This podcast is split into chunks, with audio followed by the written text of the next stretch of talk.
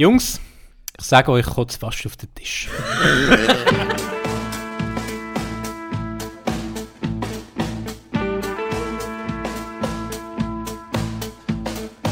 Ich erkläre jetzt erst mal gerade schnell ein Setting. Wir sind heute äh, wieder mal zu dritten an einem Ort. Das muss man ja jetzt fängen, jedes Mal machen, weil es immer ein bisschen anders Ja, ist. weil es jedes Mal anders ist, genau. Und äh, wir haben jetzt schon seit etwa vier Stunden abgemacht. Und äh, wir, wir haben eigentlich gehofft, dass wir nicht müde sind, wenn, wenn wir aufnehmen. Und haben darum alles Mögliche gemacht. Wir haben, wir haben schon miteinander geredet.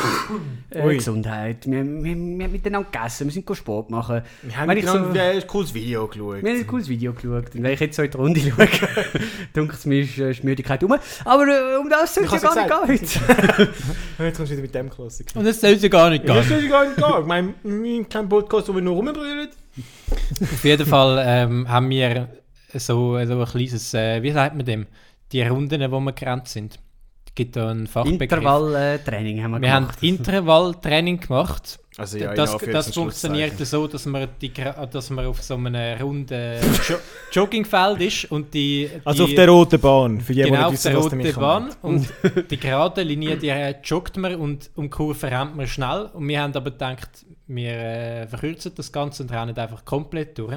Also haben wir überhaupt kein Intervalltraining Wir haben kein Intervall gemacht, sondern sind einfach durchgerannt und ähm, jetzt, Jetzt haben wir alle auch so schlecht. einen, so einen kalten Hals und ähm, Ja, und wir haben vorhin noch irgendwelche Energy Drinks müssen probieren für nichts sind Mitbewohner. äh, Und alle sieben zusammengemischt sind dann doch ein bisschen viel für den Magen und dann nachher noch so eine Runde rennen. Ja. Ist dann Und, ein bisschen äh, viel. Zum den Tag vielleicht noch schnell sagen, es ist Samstag heute, also wir sind wieder mal überhaupt nicht aktuell. Heute ist da anscheinend der, der Wind gewesen. äh, Sahara-Staub. Ja, ja, Jan, erzähl über den Sahara-Staub. Ja, wie jetzt nicht der Geograf oder groß kann erzählen, um was es eigentlich geht. Aber ja, es ist heute, äh, für all die, die es mitbekommen haben, es ist so ein orangiger Hauch in der Luft gewesen, Es heute hat, irgendwie. es hat ausgesehen wie der New York-Filter auf Instagram. Wenn man Wenn man hat. Oder wie Mexiko in der, in der, in der US-amerikanischen äh, Hollywood ja, voll. Genau. So Mega orange. Ja. orange gemacht. Und ich glaube, wie es der Name schon sagt, das ist glaube Staub, wo aus der Ha- Sahara kommt. Bin nicht Sahara, Wüste in Afrika. Äh, ganze Wüste, ich sag's dir. sicher. Sehr geil. Ah. Ja, Jungs, hä? wie geht's euch? Was macht ihr so im Leben? ich glaube, der, der Micha ist im Homeoffice. Nein, ist er nicht. Nein. Ich glaube, ist der ja Jan hat eine Geschichte gehabt, oder? Nein, ich bin jetzt seit zwei oder drei Wochen habe ich meine Prüfungen und meine Arbeiten und so alle abgegeben. Und bin eigentlich so ein bisschen jetzt am durchs Leben hängen.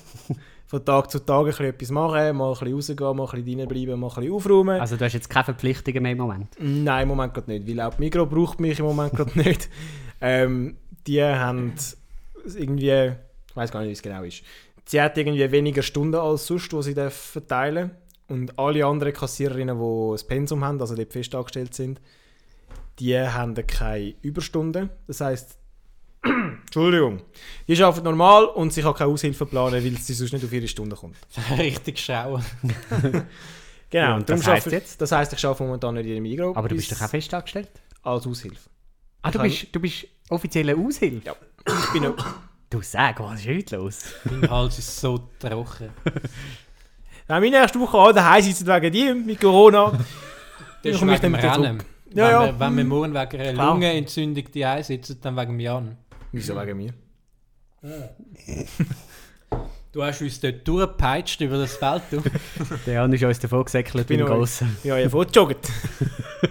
Ja, der Jan, das muss man wirklich sagen, der ist flink wie ein Wissel. Also Ja, wenn gut. wenn es um so Sprints geht, dann äh, schon. Ausdauer ist nach dreiviertel Stunde damit fertig. Aber Ja, das sind wir das pure Gegenteil Wie, voneinander. wie kommt es denn dazu, Jan? Du bist doch schon eigentlich nicht so... Du treibst ja nicht so viel Sport, oder? im Moment gerade nicht, weil Volleyball findet nicht statt momentan. Ah, genau, du bist am Volleyball. Volleyball.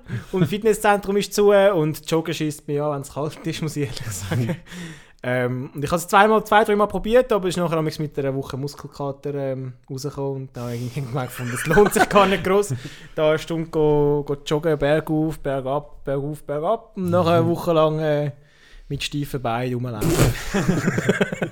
lohnt sich nicht so. Ah, das kann ich. Ich bin letztens auch wieder mal go joggen, also allein. Und dann äh, von 0 auf 100 direkt eine Stunde. Und nachher hatte ich auch fast eine Woche lang Muskelkater. Gehabt. Ja, ich glaube, wir sind eben ein bisschen säuferlicher dran und nicht gerade mit einer Stunde Wir anfangen. sind einfach Pfeifen. Aber nein, nein, also ich bin dann noch das zweite Mal mit dem Nick gegangen und dort habe ich mich schon daran gewöhnt. Gehabt. Das war vor, vorgestern, gewesen, oder? Genau, und ich habe schon keinen Muskelkater mehr. Darum, äh, wie, wie, wie soll ich sagen? Nur hat niemand gefragt mich. Aber es Alles ist eine Frage der Gewohnheit. Sport in diesen Zeiten ist schon wichtig, muss ich Mhm. wirklich sagen. So Das ist mir, das ist mir jetzt aufgefallen. Jetzt habe ich ja, jetzt habe ich ja wieder Homeschool, also wieder, habe ich ja noch nie gehabt, aber äh, weil ich ja jetzt in diesem PA-Vorkurs bin, äh, der ist jetzt relativ lang, also drei Wochen, vor Ort gewesen und ab jetzt halt online. Äh, und wenn Bis man auch noch- weiteres oder einfach der ganze? Äh, Wisst ihr das? Bis äh, nach der Sportferien. Okay. Und dann, dann schauen sie dann weiter.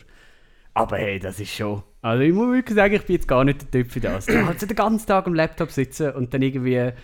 Also es ist schon lustig äh, in der Stunde selber, wenn man so die Klassenkameraden kann beobachten kann. und dann äh, ab und zu schreibt man wieder mal etwas Lustiges im Klassenchat und so. Das ist mega witzig. Nur am Ende des Tages habe ich, habe ich keine Minute zugelassen. und mache die Aufgaben, die wir auf die nächste Stunde sollten machen nicht mehr. Weil irgendwie ist es so, wenn ich jetzt halt nur noch daheim bin, habe ich so das Gefühl, wenn die Stunde durch ist, durch ist dann bin ich halt durch. Anstatt ich komme von der Schule heim und schaffe dann sozusagen noch ein bisschen etwas. Das ist Ja, wie so etwas anderes. Und jetzt mache ich einfach, ich mache nichts mehr. Die ganze Zeit, ich mache nichts mehr. Und eben, ich bin auch so faul und hänge die ganze Zeit auf dem Sofa und so. Darum, es tut schon gut ein bisschen rausgehen. Wir haben ja seit März letztes Jahr haben wir eigentlich auch daheim müssen studieren und so und dort haben wir das auch gehabt in der Mentoratsgruppe. Das ist die Gruppe, wo wir unsere Praktikums drin haben und so. Ähm, dort sind wir nur das Zwölfte am Anfang, jetzt sind wir noch etwa acht oder so. Wieso? Äh, aufgehört, pausiert, Also das Studium Ja. aufgehört und passiert. aufgehört oder pausiert. Hm. Verschiedene Gründe. ähm, und dort haben wir am Anfang auch noch recht uns, ähm, haben uns auch lustig gehabt und haben uns so gescreenshottet aus dem Meeting raus und Mhm. uns dann geschickt. Voll. Und ich habe nämlich noch Memes aus den lustigsten Gesichtsausdrücken gemacht, aber wenn ich die euch jetzt würde zeigen dann fändet ihr es nicht lustig, weil es einfach aus dem Kontext ist. Aber es ist nämlich so, wenn es in diesem Chat dann wieder Diskussion geht, hast du das plötzlich können einschicken und niemand hat gewusst, woher das eigentlich kommt. Mhm. das war recht lustig, Amig. Wir haben ja einmal, am Anfang von der Corona-Zeit auch das dritte Skype damals. Und dann sind auch lustige Bilder entstanden. Irgendwie, Stimmt, ja. ich habe den Kopf übertrillt irgendwie und, und irgendeinen Stift ins Maul genommen und der Nick hat irgendwie, äh, irgendwie ein Zündhölzchen angezündet, dass es aussieht, als würden wir eine Ziege anzünden oder umgekehrt. Irgendwie so. Oder Ja, man, hat, man hat auch können Tinder, man kann ja die Hintergrund ändern. hast du so ein Bild genommen von einer Kollegin, die so ihren Arm hebt und hast so unter ihrem äh, unter ihrem Arm geschmückt. Ich weiß gar nicht, was man alles kann erzählen da. ja. Aber ist, auf jeden Fall ist äh, lustig, was, was man alles so kann machen und wie man sich kann ablenken kann. Ich finde es auch so lustig, bei uns im Geschäft gibt es teilweise auch so ähm, Meetings, wo so über ähm, die aktuellen Geschehnisse halt informiert werden. Und da hat es auch mal eine Phase gegeben, da hat jeder Mitarbeiter immer den Hintergrund verstellt und nachher hast du immer ges- gesehen, die Person, wo, wo den Hintergrund verstellt hat, hat nachher so gerinst, so während dem Meeting einfach so jede Person ändert den Hintergrund. Wir haben einmal in einem Kurs müssen, ähm, ein Post-it an die Kamera kleben, weil dann siehst du amigs noch die Farbe vom Post-it.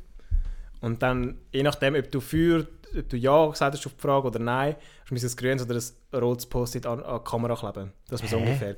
Also, dass man dich nicht mehr sieht, aber. aber die Farbe halt noch. Aha. Ja, Abstimmung Das- oder wie? Das ja, so als Einstieg quasi, wie man zu etwas steht. Und dann sieht man so, ah, die meisten sind so, es ist recht ausgeglichen oder die meisten sind fürs andere.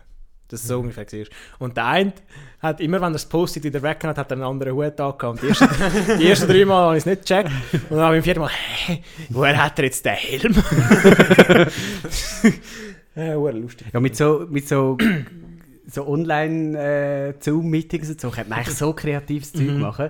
Also ich glaube, wenn unsere Klasse sich schon ein bisschen besser kennen würde und schon ein bisschen länger kennen würde, also wir, könnten da dumm tun, wie nur etwas. es ist jetzt schon, also in der ersten Stunde vor allem recht lustig gewesen und ich, ich, jetzt langsam hat es abgeflacht, das finde ich fast ein bisschen schade. Aber nur schon, wenn halt einer vergisst, das Mikrofon abzustellen und dann genüsslich eine Banane verdrückt und so. Das, das finde ich halt schon lustig. Bei uns ist halt lustig, du kannst ja gewisse Personen im Teams, Microsoft Team, kannst du anheften. Wenn du irgendwie willst, die anderen nicht willst, sehen keine Ahnung, dann heftest du zwei von deinen guten Kollegen an, die Mentorin, die gerade am Reden ist, und noch jemand. Weil du weißt, von denen gibt es die lustigsten Gesichtsausdrücke, um halt die Memes zu machen. Mhm. Und dann siehst du, ups, die redet jetzt gerade mit jemand anderem und dann schreibst du dann mit dem redest und so. Und dann ist so hindurch, aber die anderen kommen nichts davon mit über, weil halt ihr Mikrofon schon länger abgestellt ist. Und es sind ja nur die vier, die das letzte geredet haben, automatisch drauf, wenn du nicht manuell tust. Als Bild. Genau. Das ist am Anfang so gewesen. Aber das ist übers Handy. Das hast du früher nicht können. Ah, Also Teams war am Anfang nur vier Personen. Gewesen. ah. Und das haben sie irgendwie auf neun oder was auch immer aufgetan. Ah, ja, gut. Genau. Hey, du, Teams ist doch unser Podcast entstanden, nicht? Ach nein, über Skype. Über Skype. Nein, über Skype. Aber wir haben, äh, wie du ja erwähnt hast, haben wir ja im Frühling die ganze Zeit gesagt, haben wir ja zum Teil einfach drei, vier Stunden lang, weil wir halt alle daheim waren, sind geskypt gehabt. Wir haben doch noch, sind wir ja auf die Idee wir haben doch noch ein Skype-Dings aufgenommen, wo Ja. wir gesagt haben, schauen wir ein Jahr später. Der ist aber sehr unter der Gürtellinie. Ja, der wird nicht äh, irgendwie öffentlich gemacht. das sind, auch- ist auch etwa zwei Stunden, wo wir dort miteinander geschnurrt haben. Das haben wir einfach aufgenommen und dann gesagt, wir schauen es genau in einem Jahr an. Und das ist ja jetzt dann so in einem Monat oder zwei. Ja, voll. Ja, da bin Dann ich also schauen. gespannt. Krass, schon ein Jahr. Krass. Naja. Äh, da freue ich mich drauf. Sage ich ganz ehrlich. Steht bei mir mit dem Raclette im, im Kalender, darum äh, weiss ich das noch. Dem man es einschreiben, ein Jahr später machen wir das Raclette und schauen das vorher. das ist irgendwann Mitte März oder so. Bin gespannt, ob wir das dann noch lustig finden. Ja, ja, ich glaube schon. Du, wenn es eine gute Folge ist, dann laden wir es auf, oder? Super Tonqualität. Wir müssen einfach irgendwie die Hälfte piepsen oder so. Dann, ja, wahrscheinlich, ja. Ja, und just? Hey, es läuft halt nicht? Das ja, bei uns daheim ist jetzt gerade echt äh, Klamauk. ja, der PC von meiner Mutter hat ein bisschen Strapazen gemacht. Mhm. Ähm, Hast, hast du wieder irgendwelche Viren auf ihren Camping geladen? ich? Nein, nie. ich will nie. Zwielichtige Online-Game-Spielseite, Spielportal. genau. Miniclip. Das gibt es ja auch noch. Nein, nach siebeneinhalb Jahren äh, hat ihr äh, Laptop den Geist aufgegeben. Ja. Also hat einfach plötzlich gefunden, ich mache jetzt mal schwarzen Hintergrund und du kannst jetzt nicht mehr klicken. Mhm. Also du hast können klicken, was du willst, es ist nicht mehr gegangen, außer abwürgen und neu starten und dann hat er wieder einen halben Tag. Das da. habe ich auch gehabt. Das hast du auch gehabt? Ja. Krass. Das war aber fünfjährig, gewesen, der Laptop. Ist das jetzt gerade der erste gewesen, oder? Das war vor gut zwei Monaten. Gewesen. Okay. Nein, bei uns ist es jetzt wirklich erst gerade gewesen. Aha. Und dann habe ich gedacht, das ist jetzt einmalig gewesen, habe ich einen ähm, Neustart gemacht. Und dann ist es gegangen. Am nächsten Tag kommt es wieder, du mit Kompi hat wieder das gleiche Problem. Wieder neu gestartet, ist wieder gegangen und später am Tag kommt es nochmal. Das heisst, es ist so ein bisschen häufiger geworden. Und dann habe ich so ein bisschen angefangen, gut, jetzt machen wir zuerst mal ein Backup von deinem Kompi, bevor ich irgendetwas mache. Hey, clever. Ein IT-Profi da. Hm? Mega also, Profi. Stromstecker hast du schon mal ausgezogen und wieder rein da. Das wäre jetzt noch mein Tipp. Have you tried turning it off and on again? Ja, klar. Kannst du mir eigentlich nachher auch noch zeigen, wie ich mit meinem Nattel da ins Internet reinkomme? Die Grafikkarte ist, ist noch West äh, gesessen, oder? Das ist nicht irgendwie äh, Keine Ahnung. Also, so, ganz ein Profi bin ich nicht. Also, ja, du hast ein Backup Schweiz. gemacht. Ich habe ein Backup gemacht. Ich habe einen Virenscan gemacht und ich gefunden. Sogar? Ich habe einen Virenscan gemacht. habe ich gefunden. Wie ein grosser. Und ich bin fast einen ganzen Tag an diesem Computer, um zu schauen, was, was es ist. Ich habe probiert, den Mac zu löschen, ganz, nochmal neu einzurichten, nichts ist gegangen. Hm. Das ist ja alles noch nicht so schlimm, oder? Was das Ganze schlimm macht und belastend ist, dass die Mutter daneben steht und alle fünf Minuten kommt, wie lange hat die noch, bis das Backup fertig hat? Wie lange hat die noch, bis neu installiert ist? So, ich weiss, es steht da, es geht noch 59 Minuten. Und alle zwei Minuten, geh einen Kaffee trinken, cool down. und ihr wisst, ich werde nicht schnell gestresst. Also mich bringst du nicht so schnell aus dem Konzept. Ich bin jetzt drei, Ja. vier Jahre nicht mehr wirklich so Nicht mehr gestresst. gewesen. nicht mehr gestresst gewesen. Und meine Mutter hat es geschafft. meine Mutter hat es geschafft, irgendwie mich zu stressen. Und am Abend, ich bin einfach am 7. Uhr so kaputt gewesen. Ich bin so kaputt gewesen. ich schau, ich habe alles probiert, nichts ist gegangen, es gibt einen neuen Kompi. Hast du ihr dann gesagt? Ja, also, ja, also aha, hast, Ich hast jetzt erwartet, wahrscheinlich... du bist ausgerastet Ah, oder so. nein, nein. Aha. Ich habe jetzt, ich habe jetzt angenommen, du bist so kaputt gewesen und hast ihr dann müssen einen Brief schreiben wo du- Es gibt einen neuen Kumpel, tut mir leid. Nein, aber ich habe mich nie mehr so, Frau. nie, lange nicht mehr so gestresst gefühlt wie diese Woche. Aber du bist gar nicht ausgerastet. Nein, das bringt ja nichts. Ach, schade. Das hat ja nichts gebracht. Rastest du einmal aus, Nick? Nein, aber ich habe jetzt so gedacht, du hast also so angefangen, ich bin man kann mich sch- schwierig aus der Ruhe bringen. Und dann habe ich gedacht, Ja, aus oh, der Ruhe kommt's. bringen und stressen ist ja etwas anderes. Das ist so. Also, Kassi, die Mikro heisst, ich wollte nicht stressen, geil sein. Ich, ich, ich wollte sie nicht stressen. Ich sage, mich stressen sie. das schaffen sie nicht. Und es schafft sie mir eine Nummer. es schafft wirklich fast niemand. Dann Zürich 50 ins Zählen. Sie können mich in Fünferli auszahlen. Es ist mir so egal. Aber wirklich. Das ist mir, weil ich bin dort und am 3 bin ich fertig. Steht zusammen. Ich gehe natürlich. Während sie noch da steht und will zahlen. So, Kasse zu. ja, ich muss gehen. Die Kollegin übernimmt. Ursula, sie ist am 5 zählen. Kön- Könnte ich sie noch zahlen? Nein. Ich muss ihr das Zeug da lassen. Ich habe aber einen guten Trick, wenn man sich nicht stressen lassen kann, oder beziehungsweise wenn man sich, wenn man gestresst ist, wieder kann oben runterbringen Man zählt auf 10. Boah! Ja. Ja, aber Nein. ist das nicht ein bisschen privates Thema? Nein, du, ich erzähle jetzt einfach, gell? wenn ich gestresst bin, dann mache ich mich über mich selber lustig. Das ist doch clever. Also weißt du, äh, dann bin ich zum Beispiel, wenn ich jetzt zum Beispiel im Auto bin und irgendwie weiss, oh, in 10 Minuten ist der Termin und irgendwie ich fahre da mit 180 durch, durch die City durch, weil ich das Gefühl habe, dann komme ich pünktlich. Dann fange ich dann irgendwann einfach so Selbstgespräche an machen und, und, und mache mich über mich selber lustig und so und sage, äh, ja gut, das klingt jetzt mega Nick, du dumm. hast eine lange Nase. Ja, Aber ich, dann- ha- dann ich weiß gar nicht mehr, was ich wollte sagen. Auf jeden Fall, ähm, das ist ein guter Trick. Haben ihr auch so Lifehacks? Ja, ähm, also mein, mein Lieblingstrick ist ja, wenn, wenn ich richtig außer mir bin und so, denke ich äh, an einen Astronaut. Das ist ein bisschen komisch. Aber ich denke mir dann so, der ist so, Ah, der schaut so auf die Erde runter und dann sieht alles so klein aus, so die kleinen Probleme. Ich meine, die Welt ist so groß, ich Mhm. bin ein kleines Männchen, wen juckt's? Philosophisch. Ja, das ist äh, die eine. Ähm, Und die andere ist, du hast ein Glas am Boden. Es gibt. Es, ähm, ja, die andere schlägt wild irgendjemand zusammen. Nein, Nein was ist das andere? Ah ja, genau, das andere ist, ich überlege mir einmal, Micha, spätestens 20 Jahre, äh, in spätestens 80 Jahren bist du sowieso tot. Das überlege ich mir wirklich, das beruhigt ja, mich. gut, aber das ist doch mega dumm.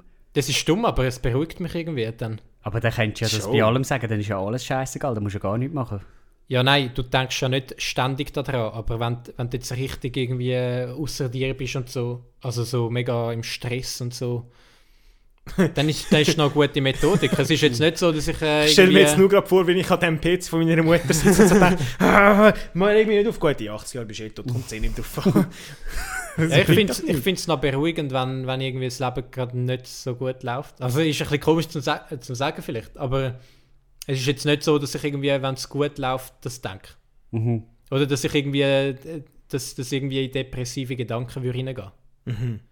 Es Ja. ist mehr so, so, das Problem ist irrelevant. Also man könnte jetzt alternativ irgendwie auch denken, denk mal an deinen Ur Urgroßvater. Ich meine, du weißt nicht einmal mehr, wie der geheißen hat. Und der hat auch so ein Problem gehabt, es ist scheißegal. Weißt du, was ich meine? Ja. Ja gut, ich meine, wenn es dir hilft, gell? Wenn es dir hilft, äh, mach. Den Astronauteneffekt hatte ich letztens. Gehabt. Wir, wir haben irgendwie immer Marienkäfer in unserer Wohnung. Also jetzt über den Winter. Die sind ja eigentlich, wenn die draußen sind, frieren sie ja sozusagen nicht. Die sind ja in so einer schockstarre Dingsbums und bleiben so über den Winter und im Frühling tauen sie wieder auf. Oder so. Irgendwie so. Äh, und wenn sie aber halt in der Wohnung sind, dann, dann hängen sie halt da und, und sterben, wenn sie halt nichts zu essen bekommen und so. Und wir haben immer wieder ein paar und ich tue dann die einfach auswildern. aber ähm, manchmal... Garten aussetzen. Manchmal tue ich, äh, ich habe sogar extra gegoogelt, was ich da machen muss mit so einem Marienkäfer. Und da fängt es eben an, weil so eigentlich, jetzt zum Beispiel eine Mucke, wenn, wenn eine Mucke im Zimmer ist, ich meine, die verdrücke ich auch. die verdrückt man halt einfach. Aber so ein Marienkäfer irgendwie, habe ich, habe ich so gedacht, äh, jetzt ähm, weiß ich gar nicht, was ich mit dem machen muss, oder? Was, was soll das? Und dann habe ich mal so gegoogelt und so gesehen, ja, Marienkäfer, die sind froh, wenn sie im Winter draußen sind, äh, wenn sie so ein Nestchen haben, sie dann eben können, da in die, in die Starre reinkommen und überwintern. Und dann sind sie auch froh, wenn sie noch Salatblättchen dort haben und so. Und dann bin ich so voll in die, in die Welt eingetaucht, irgendwie so, ja, Marienkäfer, die hat ganz andere Probleme irgendwie. Und dann habe ich dem ein Salatblättchen gegeben und der hat sich gefreut. ja, genau, das siehst du so gut. Ja, nein, er ist, so, er ist halt so traurig dort gesessen. und dann, dann habe ich ihm ein Salatblättchen genommen und dann ist er genüsslich dort gegessen und hat Freude gehabt. Und dann habe ich ihn ausgewildert nachher. Das vom Balkon abgerührt. Super. Ich sag dir, dem ist, dem ist es voran äh, so wie nachher genau gleich gut respektive schlecht gegangen. Meinst Ich glaube, du hast Ja, dem, Tag, dem seinen Tag nicht mit einem Salatblättchen gekettet. Mal, weil er bekommt in unserer Wohnung kein Essen. Das ist nicht sein natürlicher Lebensraum. Und wenn der von mir ein Salatblättchen bekommt, dann, dann kann der wieder mal ordentlich mampfen. Dann fühlt sich der wieder wie daheim. Der tut sich eben ein Nestchen bauen draussen. Äh, und, und der hat dort auch Essen und so. Und tut, tut glaube ich, viel essen, damit er, damit er dann überwintern kann. und nachher, nachher schlaft er dort halt und wacht im Frühling wieder auf. Außer es wird warm im Winter und das ist eben dann gefährlich für die Marienkäfer, weil dann wachen sie zu früh auf und dann essen sie den Bums schon, wo, wo dort rumliegt. Und wenn sie den nachher gegessen haben und wieder eingefriert und wieder auftauen, dann Art, dann haben sie auch nichts mehr zu essen. Und das ist dann Ah, eben gefährlich, oh, weil dann gehen sie auf die Suche und wenn sie dann draußen rumfliegen und es wieder kalt ist, Dann dann sind sie irgendwo im Nirgendwo und ja, das ist nicht gut. Oh nein. Merkt ihr? Ich frage mich, wieso, ich frage mich, wieso du Marienkäfer bei dir daheim hast. Ja, das Kann- frage ich mich auch. Wir haben noch nie gehabt. Das ist schon der erste Punkt. Ständig. Wieso, dass man in einer Wohnung Marienkäfer Das frage ich mich auch. Aber du, ich nehme sie freudig äh, an. Eure Wohnung ist offen für alle. ja, genau. Du, du äh, behandelst das Problem nur ähm, oberflächlich und nicht an der Wurzel. Die Wurzel ist, wieso hast du... Ja, gern, gern Jan, sehr gern. Jan geht Wasser Der füllen. Jan hat mir gerade angeboten, mir Wasser ins Glas zu füllen. Ich hätte es gerne kalt. Hey, jetzt warm gemacht, sagt er. Also, dann haben wir Glück, habe ich noch mal etwas gesagt. Nein, auf jeden Fall, äh, du musst das Problem bei der Wurzel anpacken. Und Und zwar? die Wurzel ist, wieso hast du Marienkäfer? Ja, das frage ich mich auch. Ich meine, das Problem kannst du noch lange bekämpfen, das wird die Wurzel nicht beheben. Ich habe das Gefühl, es hat, ich habe das Gefühl, es hat ein Nestchen irgendwo bei uns. Vielleicht kommen einfach alle zu euch, weil es bei uns Salat gibt. Meinst du? hat sich umgesprochen, dass, dass ich Salat gebe. Hat sich im Marienkäfer geht da umgesprochen, dass es bei uns Salat gibt. Haben alle gesagt, oh, du, bei dem ist bequem, bei dem ist schön. Dem ist die Wohnung warm, dem ist gut. Dem haben wir Mario Kart gespielt. Das ist doch bei irgendwelchen Tieren ist doch das so. Wenn man denen zu essen gibt, kommen sie immer wieder und das ist nicht gut. Hund. ja. Das sowieso. Strassenhund, ja. Was sagst du? Vögel. Ah, Vögel. Ah, Vögel. Stimmt. Oh, es, hat, es gibt ja immer so nervige Tauben, wo... Aber von dem habe ich gerade schon mal erzählt. So eine scheiß Tauben... Äh, Nein, nein, erzähl. ich weiss die Story nicht mehr. Was, was ist eigentlich euer Lieblingstier? Ah, genau, jetzt weiß ich es wieder, danke. äh, der, der, der, der Micha, ich und eine Kollegin sind einmal in... Äh, wo sind wir? Gewesen? In Milano. In Mailand sind wir mal. Ja, gewesen. Milano, Mailand, ja, ist ja mir wurscht. sagt jetzt noch keine Vogelgeschichte etwas, aber ja. Ähm, und dort äh, gibt es ja so äh, den Platz del irgendetwas, wo, wo halt so ein Touristenplatz ist. Und da hat es so Leute, die irgendwie einem Futter geben für, für Ah, Tauben, äh, damit die zu einem kommen. Und nachher macht er ein Bild von einem und verkauft die Bilder irgendwie. Nein, nein, nein, das ist ja anders. Die sind ja ganz äh, frech. Die geben dir so Körnchen in die Hand, dass die Tauben nicht zu dir kommen. Eben dann genau. machen sie das Bild und dann verlangen sie direkt Geld Eben genau, dafür. ja. Das hat er jetzt genau, Genau das gesagt, Wort gesagt. für Wort. Ja, ja, ja, aber ich meine, das Freche ist ja daran, dass der dir das ohne Frage in die Hand drückt und das Geld musst du dann zahlen. Voll. Und der hat mir das in die Hand gedrückt und dann habe ich gefunden, wa- was soll das? Und dann habe ich es am Boden gerührt. dann war ich mega hässlich und, und die haben das aber gar nicht mitbekommen, weil ich mit weitergelaufen sind und dann bin ich einfach wieder zu euch gekommen. Ja, nicht so spektakulär. Bei unseren Geschichten, das ist mega häufig so, eigentlich man erwartet, es kommt noch etwas, so wie jetzt bei Jan Bei oder, dir oder bei mir. So, man hat das Gefühl, jetzt geht es dann los, jetzt, jetzt, jetzt kommt dann der geile Teil von der Geschichte und das ist schon gewesen. Haben wir, haben wir zu hohe Erwartungen an uns selber? Mensch, oh, Ist das echt das Problem? Vielleicht haben die Hörer die Erwartung gar nicht. Meinst du nicht? Vielleicht sind das einfach Leute, die im Büro sitzen und nichts Besseres zu tun haben jetzt gerade. Schreibt mal in die Kommis. Lieber mal in die Show Notes. Die, Hö- die Hörer denken sich, was, der wäre fast ausgerastet. Krasse Geschichte. Dem. Was, der hat äh, Körnchen am Boden gerührt. Wow. Ist gerade im Tastaturtippen eingefallen. Was? Was? Eine Taube? Muss ich nochmal zurückspulen. Nein, ich bin nicht richtig verstanden. Das nimmt mir jetzt aber genauer Wunder. Habe ich das Also, das haben sie jetzt nicht wirklich gesagt. ja, unser Lieblingstier, äh, wenn wir die Frage noch beantworten, welches ist Oh. unser Lieblingstier? Lieblingstier? Ja, ich, kann- ich kann es gerne sagen. Meins ist der Wolf, ganz klar. Schon immer gewesen, wird es immer bleiben. Nein, nicht schon immer gewesen, mal der Tiger, aber jetzt der Wolf. Weil er, ähm, Ich finde es ein wunderschönes Tier. Ich finde es ein ganz ein schönes Tier. Ähm, ich wohne ja in Langnau und wir haben da den Wildpark. Und im Wildpark gibt es auch Wölfe. Und ja, ich gehe ab und zu zu denen. Und ich habe schon ein paar schöne Stunden mit denen verbracht, oder? Aber die, du kannst ja nicht streicheln oder so, sondern einfach anschauen. Manchmal, du kannst dann reingehen, du kannst mit dem Ball spielen. und, äh, Kannst einen, kommst du so Äpfel, kannst du im Eingang kaufen und ihnen dann heben, fressen sie es aus der Hand. also ich muss sagen, ich bin überhaupt nicht Fan von Zoos und so und so, damit auch nicht so von Wildpark. Wildparks sind zum Glück ein bisschen grösser als Zoos, aber also, das macht der Brat dann auch nicht mehr feiss. äh, aber sie- ich finde es wunderschöne Tiere. Und, ähm, und sie sind mega schlau. Die, die, gehen ja, die sind nie allein, die gehen ja, die gehen ja zusammen jagen. Das sind ja Rudeltiere, gell? Ja, Das ist und wirklich dann, schlau. Und dann ist, dann ist es eben so, da kommt einer oder zwei kommen von vorne und du denkst, ah, ich sehe euch, ihr weiss, wo ihr sind, ich kann das Gewehr auf euch richten oder so, je nachdem, wo man gerade ist. Und dann kommen sie aber noch von hinten. Ah, Die, das anderen, ist die eben... Frechen kommen von hinten. Und auch wenn es andere, jetzt bin ich am Ende, wenn es andere Tiere gibt Entschuldigung. und wenn es andere Tiere äh, jagen, dann machen sie das eben auch. Sie schleichen sich von der einen Seite an, aber die anderen sind schon auf der anderen Seite und dann zack. Mit dem, mit Ganz dem Lieblingstier habe ich einen Nerv getroffen mit ja, dieser Frage. der Wolf, ganz klar der Wolf. Ich habe ich hab letzten. Sommer so einen Babywolf gesehen. Wobei, jetzt bin ich mir nicht mehr sicher, ob das meine Mutter ist. ich erzähle ja immer Geschichten von anderen.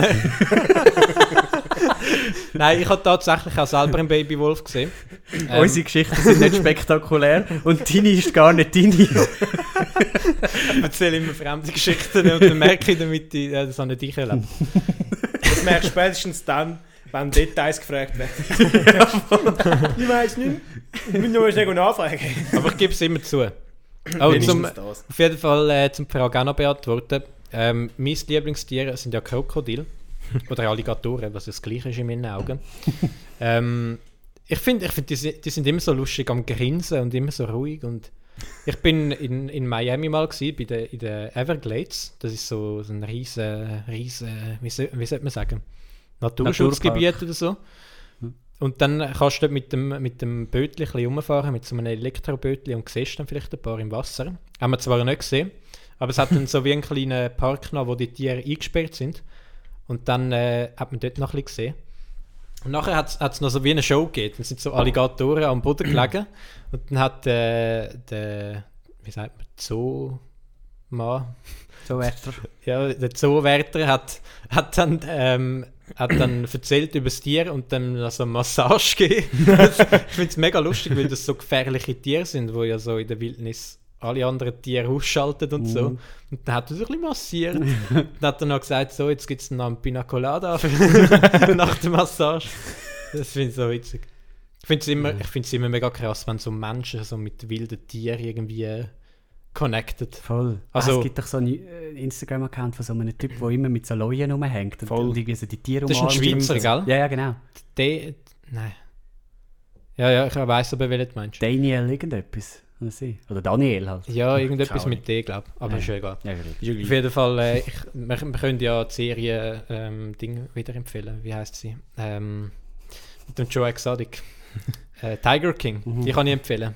Da Also geht es auch gesehen. um Interaktion mit, mit immer noch nicht gesehen. Menschen und wilden Tieren. Jan, dein Lieblingstier. Mein Lieblingstier. Ähm, ich glaube, ich habe gar kein Lieblingstier. Muss ich ganz ehrlich sagen. Hast du eine Hey, Lieblingsfarbe dafür? Als Alternative. Nein, wenn ich ein Lieblingstier müsste sagen, dann wäre es, glaube ich, der, der Erdmännchen. ja, das sind ja geile. Die kleinen, herzigen Tiere, die so Die sind auf zwei lustig. Beinen stehen und dann so. Ein Die, die hat es eben im Rapid-Zoo. Im Rapid Im Rapid-Zoo. Hast du gerade verliebt? gibt äh, eine schwierige Geschichte zwischen mir und dem Rapid-Zoo. weil sie eine Folge Catch Me. ah, ja, stimmt. Nein, es war, es war noch äh, vor, vor, vor Catch Me-Zeiten. ja. Sogar. Dort, äh, ja, ja, bist du mehrmals im Rapid-Zoo gewesen? Ja, aber ich muss ja sagen, so Zoos, das finde ich gar nicht gut. Das Ich finde schon, ich schon. gar nicht gut. Wieso? Dann, Kaffee Dates, oder? Nein, noch nie ein Date haben wir so gehabt. Ähm, das so? Das ist ein Darum hat es vielleicht noch nie funktioniert. Musst du eh warten, zum aber, Zoo mit. aber ja, man sagt ja, das funktioniert, weil dann kannst du Tiere anschauen, wenn du nicht wüsstest, was reden. Mhm. Nein, ich finde so noch cool, weil du dann, ähm, weil du dann halt die verschiedenen Tiere wirklich mal siehst. Ja, was gibt. gut. Und nicht nur in, in den Büchern. Ich meine, aussterben tun die sowieso alle. In 80 Jahren sind wir eh alle tot. Ich finde Zoos okay, wo, wo grosse, grosse Gehege haben und so, wo, wo die Tiere auch wirklich etwas damit können anfangen können. Aber jetzt zum Beispiel so ein Zürich Zoo ist ja unter alles auch. Ja, kommt ein bisschen darauf an, welche Kek. Und mit dem neuen, mit dem neuen Elefantengehege. Uh, Ja, man will ja gar nicht Ist das, äh, ist das zu klein oder was? Ja, das war ja mal viel zu klein gewesen, und dann haben sie es umgebaut und sich auch hure geil gefühlt, dass es jetzt einfach nur noch ein bisschen zu klein ist.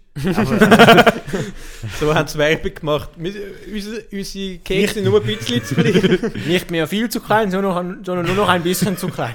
Der Tier geht es nur ein bisschen schlecht. Das neue Elefantengehege im Zürich. Sie haben jetzt sogar ein bisschen Platz. Sie kriegen jetzt auch Futter. Aber Pinguine zum Beispiel, reden wir über Pinguine. ja, denen geht es nicht Tut gut mir leid. wahrscheinlich. Tut mir leid. Aber Ja. ein Pinguin im Zürich Zoo. Aber also so Zoos dienen doch auch dazu, um zum irgendwie Tiere nicht aussterben zu lassen. teilweise. Ja, aber doch Ja. nicht in erster Linie. ja das war halt. die Ursprungsidee. Gewesen. Ja, ja ich sehe ich sehe Kontras schon. Ich sehe eben auch Pros. ja, ich sehe das halt nicht schwarz-weiß, gell? Apropos, früher hat es ja noch schwarze in den Zoos gegeben. Die sind dort ausgestellt worden. In der Schweiz. Haben Sie das gewusst? Ja. Ja, in so, Schweizer einem, Geschichte. so einem Park, oder? In so einem grünen Park oder so.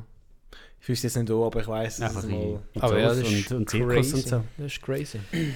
Wie siehst denn du das Thema zu Pro oder Contra? Ja. Ich habe auch da nicht wirklich eine Meinung dazu. Du, aber hast denn du überhaupt eine Meinung? Ich habe eine Meinung, einfach nicht zu allen Themen. Ich finde... Ja, pff, frag mich etwas. das finde ich aber gut, wenn man nicht zu allem eine Meinung Ich hat. finde eben auch, du musst auch nicht bei allem können mitreden Und vor allem finde ich, je länger ich mich mit einem Thema beschäftige, desto weniger habe ich eine Meinung dazu. Voll. Das habe ich bei Abstimmungen immer. Ich versuche mich möglichst gut damit zu befassen, um etwas Gescheites zu antworten. Und aber je mehr ich mich damit befasse, desto weniger denke ich, ich bin so nicht jetzt der, der sollte da abstimmen weil ich eben so keine Ahnung habe. Aber also das nicht, ist- nicht qualifiziert irgendwie, um da jetzt eine gescheite Meinung zu haben. Wenn es hoch kommt, schaue ich die Arena zu jedem Thema. Das ist das höchste der Gefühle. Das ist das höchste der Gefühle. Und auch die schauen amigs nicht ganz, weil es mir nach der Hälfte abwäscht. Aber die erste Hälfte langt amigs, um so ein bisschen herauszufinden, gewinnen. ja, halt herauszufinden, was entspricht mir inner. Hm. Easy Vote habe ich noch gerne. Aber das ist halt so simpel. Das sind irgendwie so zwei Minuten und in diesen zwei Minuten kannst du jetzt Finde ich ja fast zu wenig. Eben genau, ist viel zu wenig. Dann hast du so ganz oberflächliches Wissen, aber eben nicht so, dass du eine Meinung kannst bilden sondern nur so ungefähr, über was wird überhaupt geredet. Ja, voll. aber das bringt ja niemandem etwas eigentlich. Aber ja, Aber du hast in dem Fall keine Meinung zum zu. Tut so per Nein. und zu Abstimmungen. Was zu Abstimmungen? Findest du gut, kann man abstimmen? Du, ich finde, jeder sollte können abstimmen. Also findest du das System, das wir in der Schweiz haben, gut, dass man zu gewissen Themen kann selber abstimmen Sicher, ja. Oder hättest du es lieber so wie in Deutschland? Ich weiß gar nicht, wie es in Deutschland ist. Also in Deutschland wählst ja, wählen ja Personen die Politiker, die dann selber über die Themen Also, so, wie abstimmen. bei uns, so wie bei uns der Bundesrat gewählt wird, quasi. Wir wählen ja das Ja. Parlament Glaub, und das Parlament wählt nachher den Bundesrat. Ich glaube. Ich bin zwar nicht ganz sicher, ob das stimmt. Also ja genau, wir wählen ja den Nationalrat und Ständerat und der wählt ja zusammen. Jetzt jetzt gehen wir in den Graubereich. Stopp! Bevor wir falsches Zeug erzählen, halt. Wie setzt sich dann der Ständerat zusammen? Wissen ihr das? Sonst erkläre ich so Jeder gerne. Kanton zwei. Genau, und wie, wie sieht es aus mit den Halbkantonen? Gut, äh, als Testmeister unterbreche ich da mal. Der Nick schießt es schon wieder an. Aber ich Wie muss jetzt wirklich schnell... geschafft, der Nick etwas sagt? dass Nick, du du, bist gescheiter ruhig und lernst etwas. Ich Du bist, glaube ich, der Einzige, der momentan muss lernen Ich würde gerne eine Lanze brechen. Und zwar ähm, haben wir uns heute ja getroffen. Wir haben vor guter Stunde haben wir mal geredet, ob wir überhaupt noch etwas für den Podcast haben. Und da ist der Jan gekommen und hat gesagt, ja, eine ganz eine schlimme Geschichte, eine schicksalsentscheidende Geschichte habe ich. Ich glaube, er hat die schon erzählt. Oder? Ja, das ist schon Das ist die mit dem Mikro dem- gewesen. Nein, die mit dem Laptop. dass er sich aus der Ruhe bringen lassen hat. Er hat gemeint wegen dem Mikro. Aber ähm, Äh, Dass ich nicht mehr im Mikro arbeiten kann. ja. Du bist, du bist traurig da gesessen. Überhaupt nicht. Ich habe dann noch eine Geschichte, die ziemlich hart ist, die ich, die ich jetzt aber noch nicht erzähle. Dann hast du etwas komplett falsch Ah. verstanden. Sehr Ich habe mich noch gefragt, in was steigerst du dich jetzt da rein? Ah. Geil, geile Geschichte. Aber wir haben, Nein, auch, noch, ist- wir haben auch noch eine Geschichte gehabt, die wir dir noch erzählen aber ich lade dich noch schnell ausreden. Es ist mehr darum gegangen, dass Mhm. das die Frage war, wir haben ja am Mittwochabend schon telefoniert. Ja, genau. Das ist jetzt, wo ihr das hört, mehr als eine Woche her. Ähm, Überhaupt nicht. und dort, Aha, äh, doch. doch. sicher schon. Ja, ja, erzähl weiter. Du bist eigentlich Hätte ich gar nicht unterbrechen. Blöd. Nein, sicher nicht. und dort, Mehr äh, als eine Woche ist es noch nicht. Dort, äh, dort äh, bin ich jetzt so Das war gut gestern vor einer Woche. gewesen. Ja, ist Thema. Also jetzt, Nein, das kann ich das haben wir schon mal gehabt. Ah, Das Ja. letzte Mal habe ich am Jan geredet. Aber das habe ich rausgeschnitten, dass ich nicht so überkomme, als würde ich reinreden. das Geile, wenn man selber kann schneiden kann, kann man sich immer besser aussehen lassen. Das ist ja so. Also, Also, mit erzähl. Es erzähl. aus? Aber auf jeden Fall, wir können dir etwas erzählen. Wir Ah, ja wir, wir sind ja eigentlich dabei gewesen, wir kennen ja die Geschichte. Äh, wir haben telefoniert, gestern vor einer Woche, und dann hast du gesagt, du hättest zwei Schicksalsschläge erlebt. Der eine hast du uns dann erzählt, heute Nachmittag, und der andere war jetzt das. Gewesen. So, oder? Das Ungefähr. mit dem Laptop, ja. Mit dem Laptop. Aber wir haben, Das ist ja, einfach dort hure präsent gewesen. wir haben ja im Jan Weil auch noch eine dem Geschichte war. Ach erzählen. so. Richtig. Du hast einfach falsch verstanden, weil es gerade so einen mega Effekt auf mein Leben gehabt. Das ist einfach an dem Abend ist es mühsam gewesen. Ja. Darum bin ich Gut. nicht gut dann, dann bin ich jetzt auch wieder im Bilde. Du hast einfach alles überinterpretiert, wie immer. Gut, darf ich jetzt auch etwas erzählen? Ja, unbedingt. Ist ja auch dein Podcast. Jan, Ich habe noch eine ähm, Geschichte, die wir mir erzählen kann. Geil. Ich kann jetzt einfach auch wieder unterbrechen.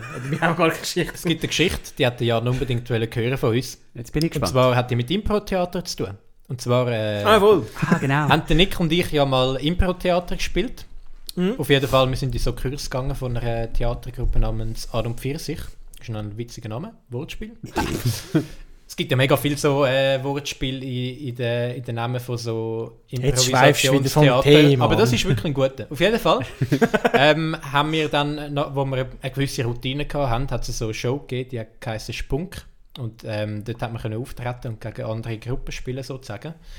Und dann äh, sind der Nick und ich auch ein, ein Grüppli gewesen und haben dann vor Publikum halt improvisiert. Ich glaube, das, Das ist Theatersport, ist jetzt so. Theatersport, Mhm, genau. Also du kommst rein, du kommst irgendwie äh, gewisse Wörter über, äh, über und dann musst du daraus irgendwie eine Geschichte spielen oder so. Ja. Also je nach Spiel halt. Bist halt auf dieser Bühne und bekommst vom Publikum. Genau, du, Ja. also sie rühren irgendwie Wörter rein oder es gibt ja auch verschiedene Games, zum Beispiel jeder spielt einen Radiosender oder so. Ja, ganz verschiedene Spiele. könnt, könnt ihr mal googlen. Auf jeden Fall ähm, haben der Nick und ich gedacht, wir können gut reimen. Und wir haben dann ein Spiel ausgewählt, wo, wo wir halt müssen reimen Und wir haben irgendwie drei Wörter vom Pu- Publikum bekommen und haben dann sozusagen, die drei Wörter haben dann müssen so das Thema, am Thema einen Rahmen geben. Und nachher, wir haben es so verkackt. Ja, nicht nur. Also, Es hat mehrere Games gegeben. also wir, wir, wir, haben, wir sind an drei Abend sind wir auftreten und wir, also wir haben nicht alles verkackt. Aber das eine Game haben wir richtig verkackt. Und zwar haben wir, ähm, ich glaube, die Geschichte habe ich sogar mal erzählt schon im Podcast, kann es sein? Weiß ich nicht. Ist ja egal. Aber nicht so umfassend. Auf jeden Fall, ähm, wir haben einfach auf nichts einen Reim gefunden. Also ich habe einen Satz gemacht und dann hat der Nick wieder etwas müssen, müssen reimen auf den Satz und dann ich wieder. Und wir haben uns auch so, so grusige Vorlagen gegeben. Ich habe einen Satz aufgehört mit, mit gewissen Wörtern, die sich nicht rön- lassen reimen und der Nick auch. Und nachher, wir- ja, das ist so ah, Da sind wir ganz etwa unerwartet. 16 oder so. Kannst du es Vierzehn. nicht bis zu einem gewissen Grad vorbereiten? Ja, aber das ist ja der Witz, das solltest du eigentlich nicht. Also klar, du du hast gewisse Spiele, denkst du schon aus, was könnte man auf der Bühne machen, damit du mit einer Spielidee reinkommst und sagst, jetzt machen wir das, zum Ja. Beispiel. Äh, aber der Witz ist ja gerade eben eigentlich, dass du auf die Bühne gehst und noch überhaupt keine Ahnung hast. Und dann halt durch das, was das Publikum sagt, mit dem interagierst und nachher irgendetwas Cooles machst. Und je nachdem, wie gut du bist, ist das halt mega geil. Äh, aber klar, du kennst dich theoretisch Eben, zu einem Klar ist das der Witz, aber logisch kannst du dir quasi vornehmen und nimmst Wörter, wo man extra gut drauf reimen kann. Also das haben wir in diesem Kurs ein bisschen gelernt, gehabt, dass man eben einfach mal auf die Bühne geht und einfach mal anfängt. Und das habe ich, also das ist etwas, was ich mega schwierig gefunden habe. Ich habe mir am Anfang immer irgendetwas überlegt. So, und jetzt mache ich das und gehe als das auf die Bühne. Und immer habe ich habe auch immer, bevor ich auf die Bühne gegangen bin, gedacht, so, jetzt mache ich eine gewisse Figur. Mhm. und dann, habe ich, dann hat man halt einfach Geschichte improvisiert, sozusagen, auf der voll. Bühne. Aber eben, es ist ja nicht nur misslungen. Wir haben auch Nein, einen nein. Auftritt gehabt, den haben wir gewonnen. Da haben wir, da haben wir den Kasperli gemacht. Nein, das war beim dritten, gewesen. dort haben wir, haben wir nicht gewonnen, Doch, aber dort haben wir doch gewonnen. dort war auch nicht schlecht. Gewesen.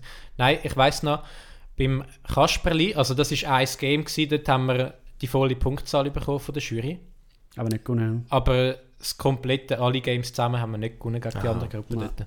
Dort weiss ich noch, ähm, haben wir etwas vom Publikum, weil irgendein Wort, und das war Äpfel. Gewesen. Ähm, und nachher haben wir angefangen, eben so das Kasperli-Theater, irgendetwas gemacht und wir haben immer wieder so mit drin hat halt der Kasperli, also der bin ich gewesen, äh, so ins Publikum gefragt, so, was sollten wir jetzt machen und so. Und die Leute haben dann immer etwas gesagt, wo einen Wink darauf gibt, dass nachher der Äpfel ins Spiel kommt. Und ich habe das nie gecheckt und bin nie darauf eingegangen. Und dann äh, ist der Äpfel am Schluss gar nicht vorgekommen. Und das hat dann ein bisschen Abzug gegeben. Also ich habe es auch nicht gecheckt. Aber ich meine, wenn man eben auf so einer Bühne ist und einfach, ich meine, eben, wir haben keine Ahnung, was wir als nächstes machen. Wir, wir müssen auch uns, uns ja aufeinander verlassen, weil ich weiß ja nicht, was jetzt der Micha dann machen wird und so. Jawohl. Und das ist halt schon, also braucht schon noch ein bisschen etwas. Mhm. Und dann eben ist es halt, jetzt gerade bei uns, die nicht mega geübt sind, öfters so, dass dann halt nicht unbedingt das Geilste rauskommt. Aber das ist halt auch ein bisschen der Charme, dass dann plötzlich mal etwas richtig Geiles rauskommt. Wir haben unsere Gruppe Chocolat Chaud genannt, weil wir das Wort genau. mega witzig gefunden haben. Nachher sind wir immer als Intro sozusagen, wenn wir auf die Bühne rausgegangen sind, äh, mit, einer, mit so einer Heiße Schoki. äh, heißen Schoki auf die Bühne gelaufen. So peinlich eigentlich. Ja, den haben wir angestoßen und Ja, getrunken. genau. Aber alle haben irgend so etwas gemacht. Ja. Ja, Das ist schon geil lustig, schon lustig, ja. So rückblickend wäre das etwas, was ich auch gerne mal gemacht hätte, so zum Ausprobieren. Mhm. Kannst du immer Ich glaube, das, Ja, das bringt einem schon noch etwas. Gerade jetzt, wenn du zum Beispiel Lehrer willst werden bringt dir das mega etwas. Halt Ich so auch, ja. spontan können auf Sachen reagieren und so. Ja, wir haben schon im ersten Semester so Auftrittskompetenzkurs gehabt, aber auch nur ein halbes Semester und das ist schon alles gewesen. Und Primarstudenten haben das ein ganzes Semester lang. Finde ich fast schon ungerecht. Geil, oh. Dass ich dann nicht freue. ja, nein, ich habe das schon gefunden dort, weil du hast dort so ein bisschen geschaut, ähm, wie, welche Auswirkungen haben meine Körperhaltung und wie ich da stehe, auf, auf wie ich rede und dann hast du verschiedene Sachen ausprobiert. Du hast so verschiedene Spiele gemacht, wie du suchst dir jemanden aus im Kreis und du, du hast einen Ball und immer bevor dieser Person den Ball zuerst rufst du den Namen. Und irgendwann sind vier Bälle im Spiel und die Reihenfolge ist aber immer die gleiche und bei jedem Ball ist sie anders. Mhm. Ah, äh? Oder ist sie immer die gleiche? Weiß es nicht mehr. Eh, Entweder hast du verschiedene Bälle gehabt und du schiessest immer jemand anderem zu oder umgekehrt. Und nachher hast du es eben geändert, auf dass du nicht mehr den Namen sagst, sondern nur du. Und dann einfach alle du quer durcheinander und du müssen wissen, wer kommt von wo, wann. Und das hat dir quasi gezeigt, was für eine Auswirkung das hat, wenn du im Unterricht Namen benutzt und nicht einfach die Schüler mit du ansprichst. Aha. Und das ist so, so Zeug ist, ist eigentlich mega wichtig und das haben wir nur das halbe Semester gehabt, das finde ich mega schade eigentlich. Das ist dann hure geil. Aber Also- ich weiß nicht, ob das genau gleich wird. So Psychologie hinter dem ganzen Zeug finde ich eh viel spannender als jetzt so den Stoff selber müssen irgendwie erlernen. Ja, also logischerweise, aber, äh, aber eben. Ja, es ist halt damals dann anders, als man sich erwünscht.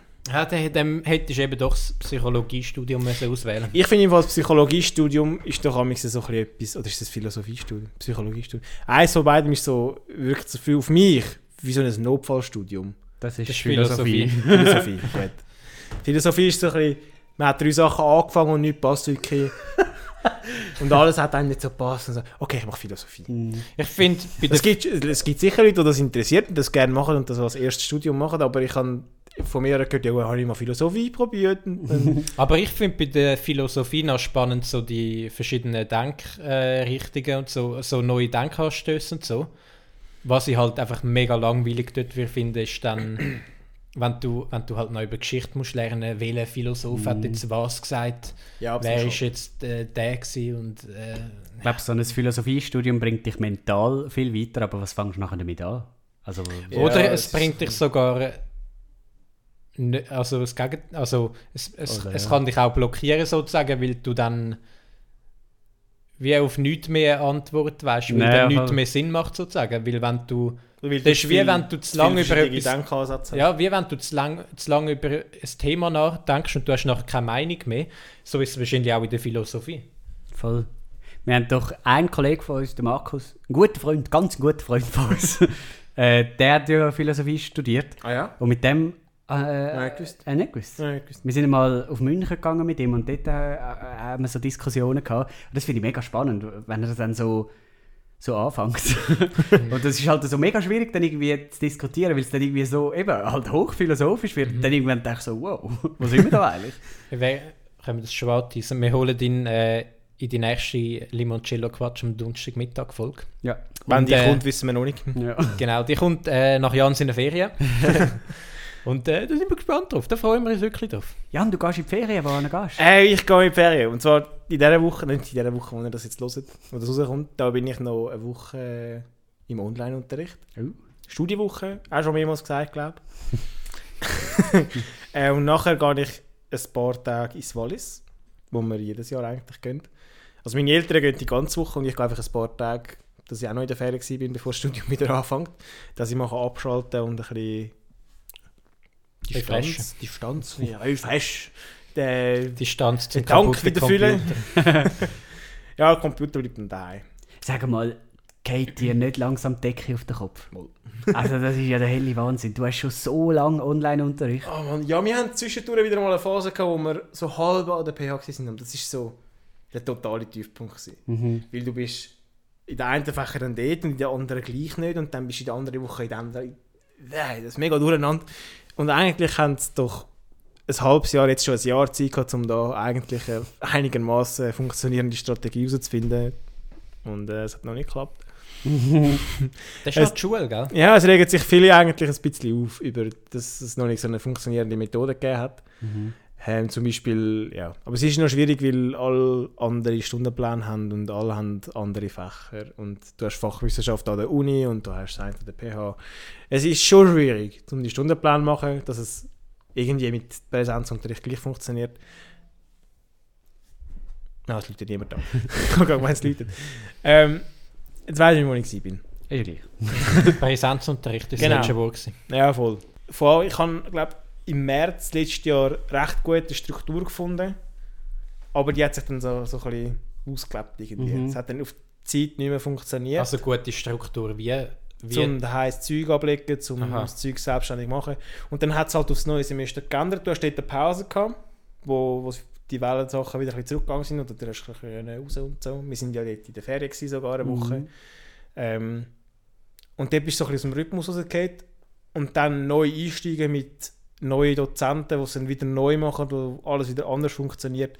Die einen geben dir die Sachen zum einfach selber machen, die anderen haben jede Woche online und die anderen haben alle zwei Wochen online, die anderen haben alle drei Wochen online. Du hast keinen Rhythmus und Mhm. das ist eigentlich recht mühsam. Aber es hat gleich geklappt, gell? Das meiste. Bis jetzt, bis jetzt alles geklappt. Es haben ja mega viele Schüler auch schon im Herbst äh, mega früh gefunden, jetzt schaltet endlich wieder mal um auf Online-Unterricht, also vor allem halt so Gimmi, weil es natürlich auch gemütlicher ist. Aber das verstehe ich voll nicht. Also eben, ich habe jetzt eine Woche hinter mir und es ist der grösste Scheiß, den ich mir vorstellen kann. Also für mich ist das so nichts und ich glaube Schüler, wo also so aktive Schüler, die sowieso mit mega vielen Leuten etwas machen, für die ist es kein Problem. Die werden nachdem sie da am Bildschirm gesessen sind, nachher noch abmachen oder, oder mit irgendwelchen Kollegen etwas machen Ah, aber oder so. nicht so, gell? Nicht sieht, gell? äh, aber, äh, aber es gibt doch auch Schüler, die doch irgendwie so ein bisschen eher ihre Kontakte haben durch die Schule halt und dann so ein bisschen müssen, äh, unter die Leute kommen und so. Und ich bin tendenziell eher so jemand, nicht weil ich irgendwie, äh, weiß nicht, keine Kollegen hätte oder so, aber ich bin, ich, ich, ich scha schaffe das irgendwie einfach so ein, zwei Wochen lang, merke plötzlich wieder, dass mit gar niemandem etwas gemacht habe. Äh, das ist gar nicht absichtlich, sondern irgendwie, weil ich es einfach, ja, es versandet so. Ja. Äh, und es gibt so Leute wie mir, oder eben, es gibt ja noch viel schlimmer, äh, die, sind, also die brauchen doch das mega so können vor Ort sein und so. Also ich glaube, das ist schon ein bisschen, schon ein bisschen heavy. Mhm. Aber gut, eben, ich rede haben- mit einer Woche Erfahrung. Wir haben, ja, wir haben ja auch schon Geschichten gehört von Leuten Ja, äh, im jungen Alter, irgendwie 14, wo, wo es nicht so gut rausgekommen ist, dass die äh, die in Isolation sind. ja, nennen es doch beim Namen mit. Die haben sich äh, anscheinend, ja, soll man das erzählen? Ja, ist schon spannend, wir sagen ja nicht von wem. Aber ich weiss Äh, nicht, wer es ist. die haben, ja, wir kennen die nicht persönlich, aber Ah. anscheinend äh, haben sich die schon umgebracht Mhm. mit 14, also wegen der Isolation, weil die die ja. halt die Schuhe gehabt haben. Also eben, ich kenne die nicht persönlich, Wir kennen es über zwei Ecken. Aha. über zwei Ecken. Ähm, Aber aber das da, ist schon heavy. das, irgendwie, das wird nicht so thematisiert, habe ich das Gefühl, Ja. Stimmt. in der, in der ganzen Diskussion. Aber gut, es, es hat halt so viele Aspekte, die hure Pandemie. Und ähm, ja. Ja, ja. Er hat so vieles so kompliziert Thema. gemacht. Es ist so vieles einfach nur komplizierter geworden. Ja. gibt übrigens so eine. Äh, das ist noch spannend, so ein Interviewformat, wo, wo so vier Journalisten sind. Joe Rogan. Nein, nein, nein. äh, so Schweizer Journalisten, irgendwie ein vom Blick, ein von Ringier, ein von so einer St. Galler äh, Landzeitung, das Käseblatt, und noch einer, noch ein, ein von der Weltwoche. Und der Markus Somm moderiert das. Ich habe euch das Video mal geschickt. Stimmt, habe ich auch nicht geschaut. Ähm, Ja, ist von vielen ich ich finde es ist noch spannend, irgendwie, wie sie diskutieren, was so die Medien dazu beitragen. Also es sind dann zwei, haben, haben eine gewisse Meinung und die zwei dann eine andere. Im Sinne Also von so- der Arena Es eigentlich. ist zwei gegen zwei eigentlich, genau. Und der Markus Somm versucht neutral zu bleiben. Das klingt am Anfang gut, aber mit drin diskutiert er plötzlich mit. Nein, Markus Somm, neutral.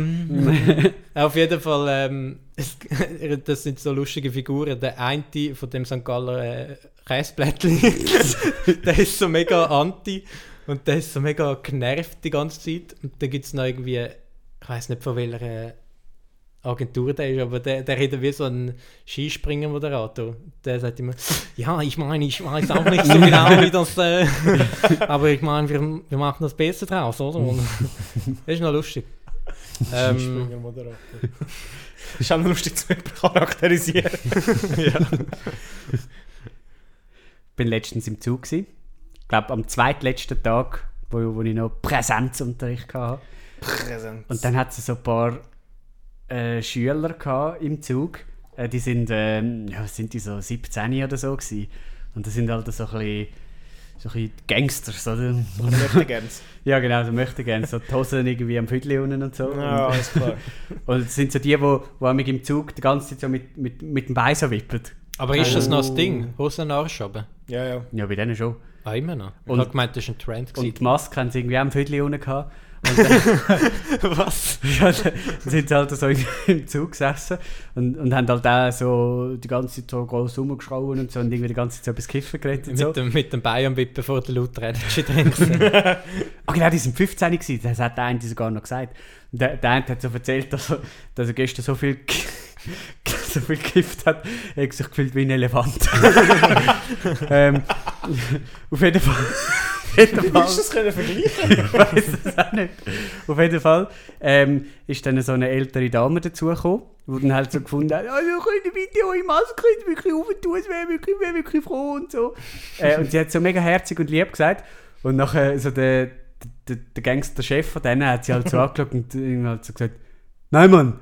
Und dann, ja, ja, wir wirklich froh und es sind da Regeln und so. Oh, nein. Da hat er so einfach so gesagt, sie, ich schieße ihnen jetzt am Boden im Fall.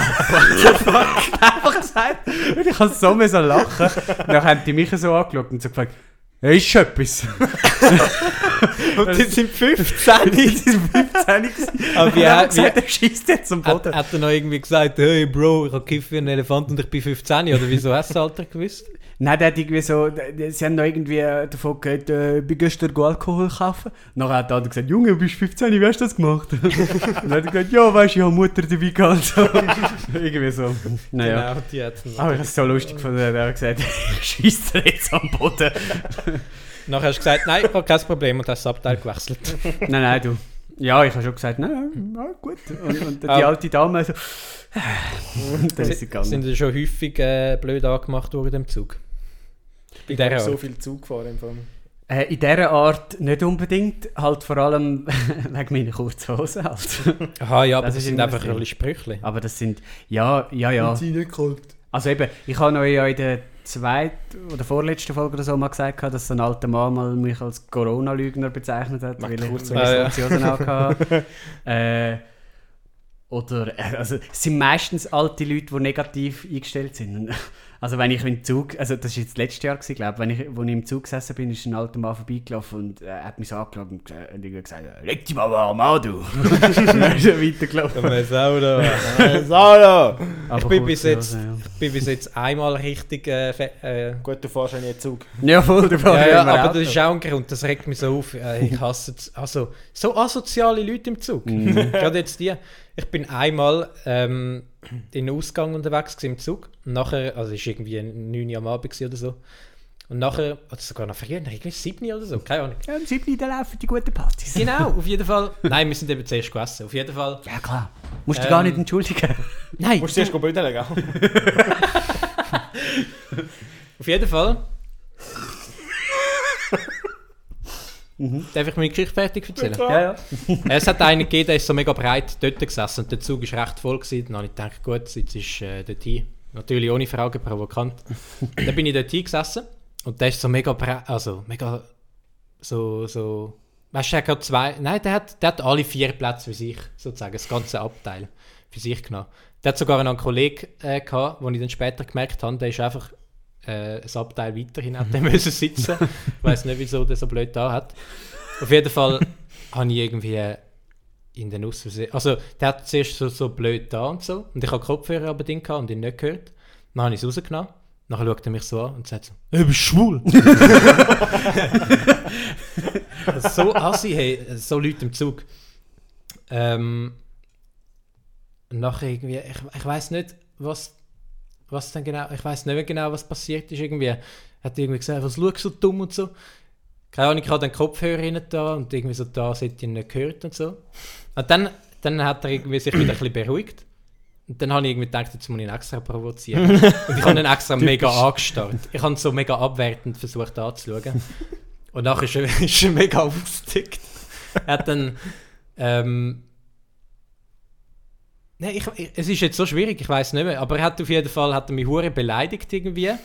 Und dann habe ich irgendwie gesagt, so, habe ich ihm irgendwie gesagt, ähm, ich habe jetzt keinen Bock mehr, um irgendwie bei dir zu sitzen oder so. Dann bin ich abgegangen.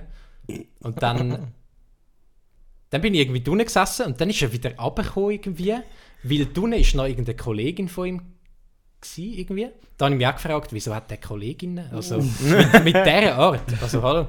Und da ist er noch irgendwie so, ähm, wo er an mir vorbeigelaufen ist, hat er mir noch so, so wie einen Stoß gegeben. Weil ich bin außen gesessen. Da habe ich mir auch so gedacht, hey, also es gibt schon einen Grund, wieso ich Auto fahre. so, so Leute regen mich richtig auf. Aber ich bin dort hu hure ruhig geblieben. Ähm, aber ich habe nicht wollen, irgendwie, dass es eskaliert oder so. Das ist eigentlich der 0815 Zugfahrer. Ja, ja, das ist, ist ja Das logisch. ist einfach ich, bin ja, ich, bin ja, ich bin ja auch irgendwie 15 Jahre ähm, Zug gefahren. Und Das das, ist das, einzige Mal gewesen. das einzige Mal gewesen. Nein, nein, es gibt tausend andere Gründe, wieso ich nicht gerne Zug fahre. Also im Winter, da, da kommst du da mit, mit der Winterjacke an und nachher...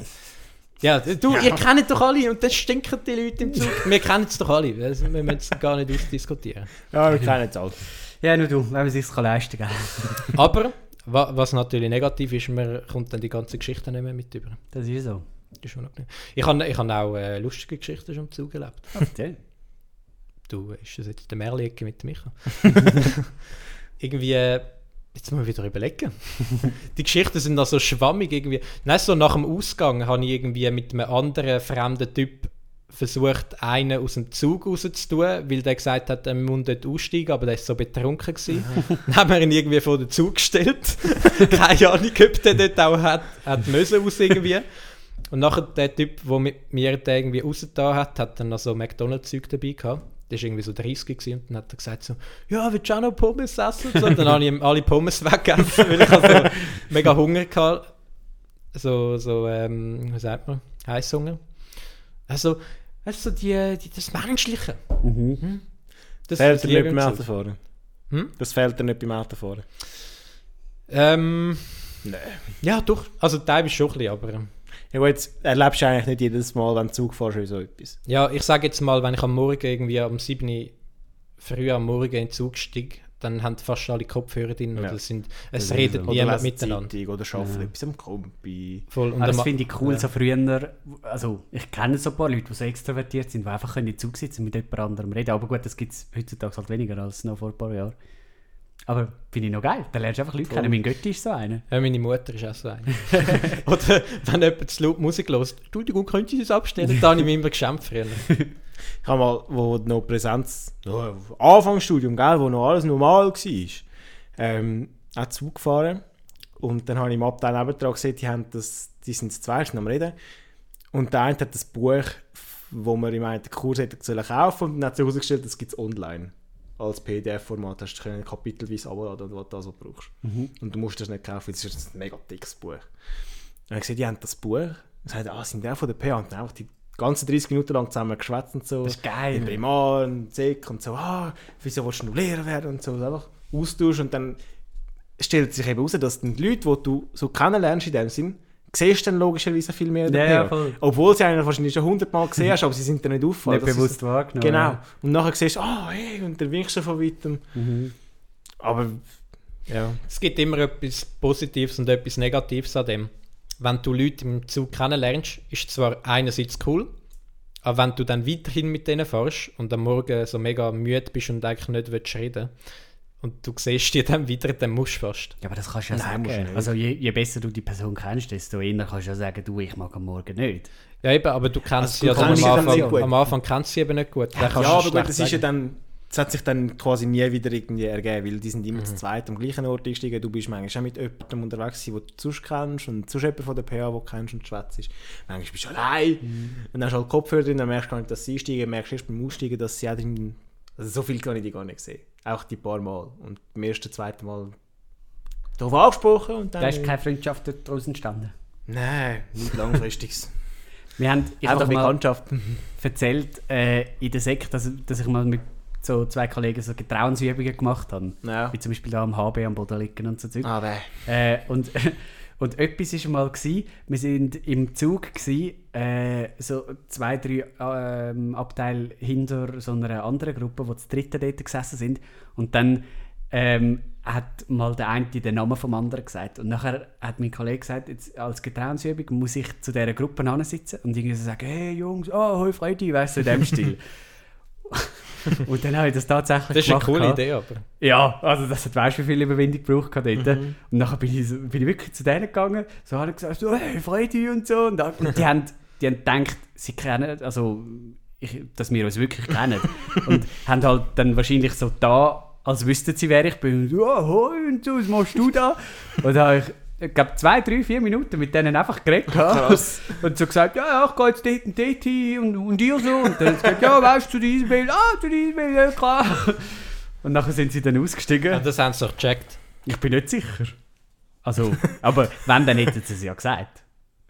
Ja, bist noch geltend drauf eingestiegen. Mhm. Also, es hätte ganz anders können, dass du nach, so nach einer Minute wieder wieder müssen So sagen Schlägerei gegeben. Ja, gut, wäre schon gewesen, ich gehe. genau, ich kann anders auch. Aber eben, ich weiss nicht, ob ich mir heute so etwas getrauen will. Haben ihr äh, sonst noch crazy Zug-Stories drauf? Jetzt gerade überlegen. Haben ihr schon mal müssen kotzen im Zug? Nein. Steht ich da dazu noch eine Story? Kennt ihr das, wenn euch so schlecht wird und es steigt plötzlich so auf? Mhm. So aus dem Nichts. Mhm. Und das hatte ich mal im Zug. Gehabt. Und so äh, Stadelhofen-Haltestelle, kennt ihr ja. Ja. Und ich habe es irgendwie zwei Minuten bevor der Zug angehalten. gehabt. Und ich bin so an, an die Tür gestanden und habe Druck, Druck, Druck. Die ganze Zeit so panisch am Drucken. Nachher, als es aufgegangen ist, bin ich, bin ich an die frische Luft gekommen. Und dann äh, ist es plötzlich wieder gut gewesen. Von 0 auf 100.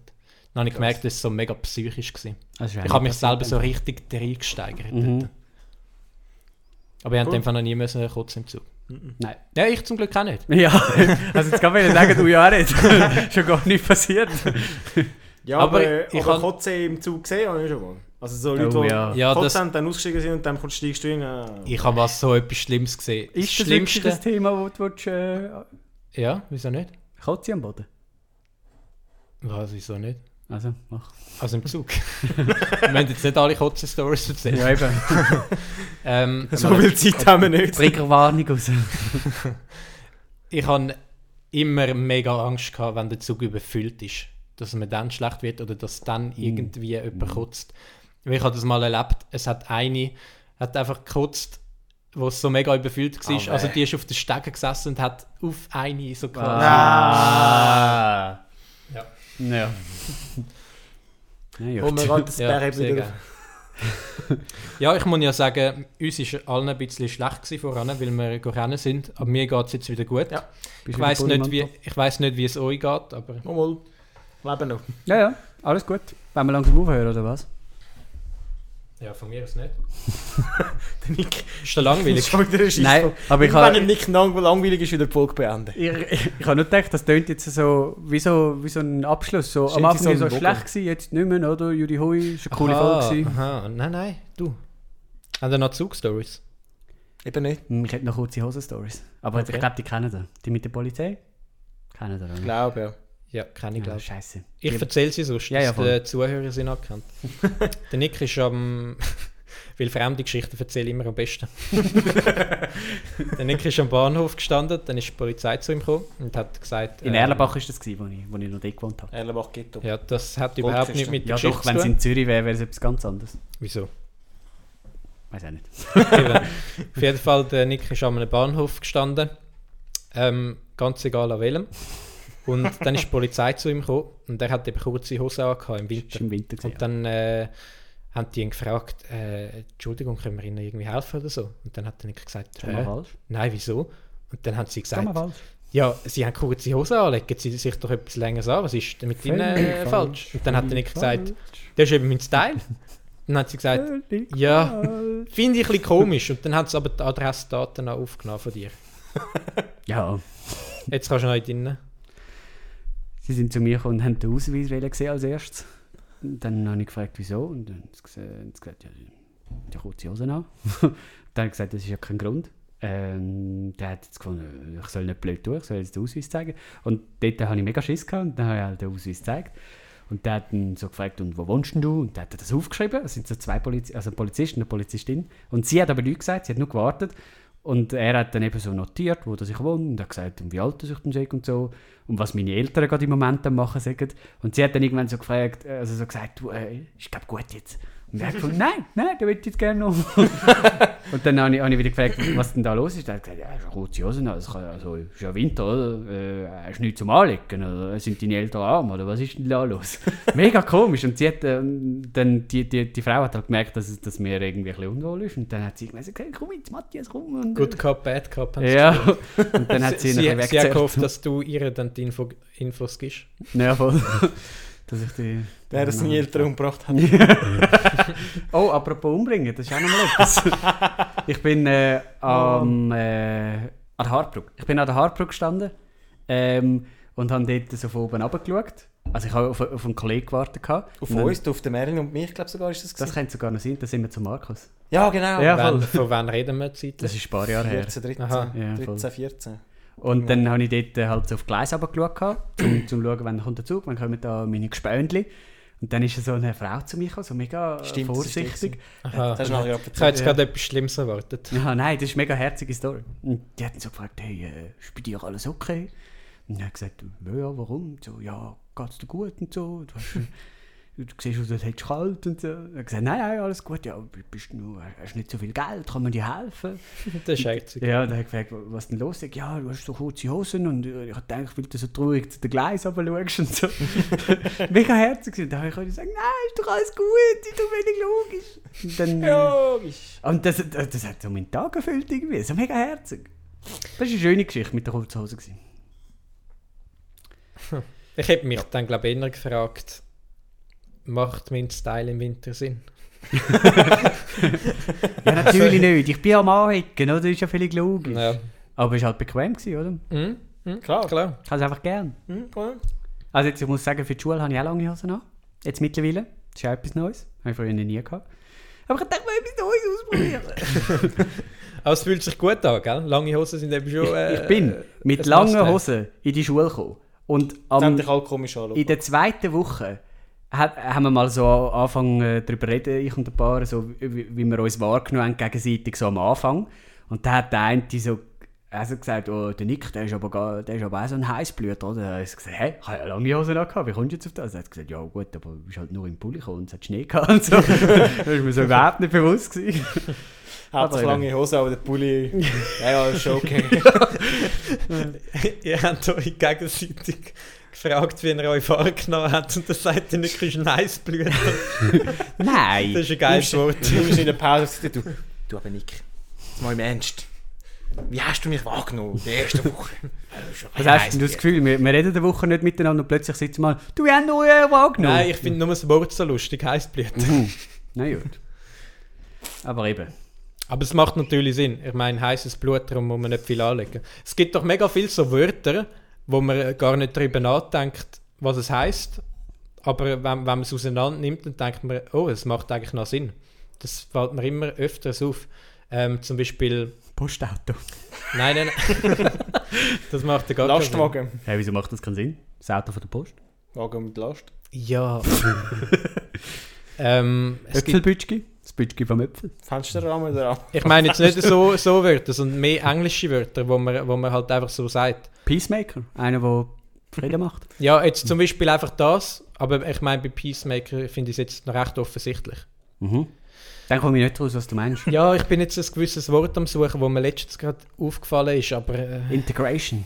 nein. Machst mich hässig. äh, Was ich viel mehr habe, ist, wenn das Wort etwa drei oder viermal liest, merkst du, wie komisch das also eigentlich ist. Ich habe jetzt auch kein, kein Beispiel, aber es gibt so Wörter, wo wenn du das drei, viermal liest, wie ist man auf den gekommen? Da gibt es doch eine Folge bei How I Met Your Mother, wo er Tja. dann irgendwie 100 Mal Schüssel sagt. Tja. Also auf Deutsch halt. Gut, ich habe auch Menschen mal nur einmal durchgeschaut. Ja, ja klar. Weiss auch nicht, was in jeder Folge Das ist passiert doch ist. logisch. Aber Ja. es ist eine super Serie. Habe ich lustig gefunden. nervt mich jetzt, dass mir das Wort nicht einfällt. Aber ist ja egal. Ich glaube, jeder weiß, was ich meine. Ja, Doch klar. interessant, dass wir in der Schweiz sagen, eine super Serie. Und äh, Oh, da auf Hochdeutsch ist es eine Serie. Ich sage Oder? Serie. Und dann Ja, sagen sie. Series. Und Englisch, genau. Die sagen es nur im Plural, wenn sie die ganze Serie meinen. Und willst du auch noch sagen, was die Franzosen sagen? Eine Serie télévisée. Ah, oui, oui. Ah, Sehr geil. So, und die Russen sagen... Äh, nicht ja, ja, ja, ja. nein, nein, nein. Wir sagen, das Thema. «Ja, ja». oder wenn wir langsam abschließen, weil ich glaube, jetzt, jetzt geht die Luft langsam raus. Ist mir aufgefallen. Erst jetzt. Ja. Erst jetzt, nicht erst vor 20 Minuten schon. Wie viel haben wir? Äh, wir sind bei gut und gerne eine Stunde zwölf. Ist gut. Gut, oder? Schneide ich auf 30 Minuten, oder? Ich traue trau dir alles zu. ja, du, von mir aus sind wir durch. Also, dann wünsche ich euch ganz einen schönen Abend. Und eine Und schöne gute Woche. Ciao zusammen.